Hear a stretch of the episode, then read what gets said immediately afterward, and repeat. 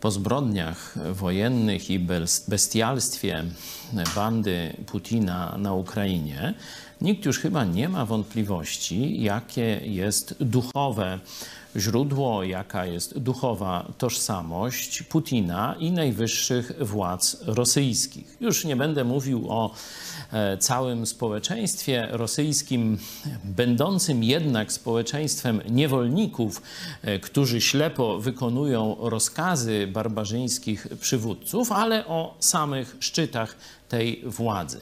Dla Putina i dla wcześniejszych komunistycznych przywódców ważną częścią rozgrywki z wolnym światem był świat religii, świat cerkwi moskiewskiej i kościoła rzymskokatolickiego. Warto sobie uświadomić, że wszyscy polscy biskupi są w kieszeni Putina.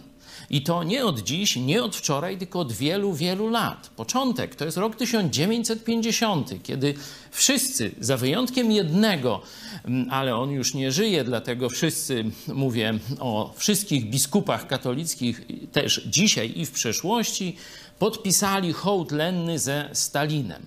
W 2012 roku, czyli 10 lat temu, dzisiejsi biskupi katolicy co do jednego podpisali hołd lenny z Putinem. Nie ze Stalinem, tylko z Putinem. I nazwali e, przywódcę kagiebistę cerkwi moskiewskiej, Cyryla, nazwali mężem opatrznościowym, a Polakom kazali e, kochać Rosjan i nic złego o Rosji nie mówić. To miało być odczytane w kościołach polskich. Jezus powiedział o faryzeuszach, że to są ślepi przywódcy, jeśli ktoś za nimi idzie, wpada w dół. Katolicy biskupi nie są ślepymi przywódcami.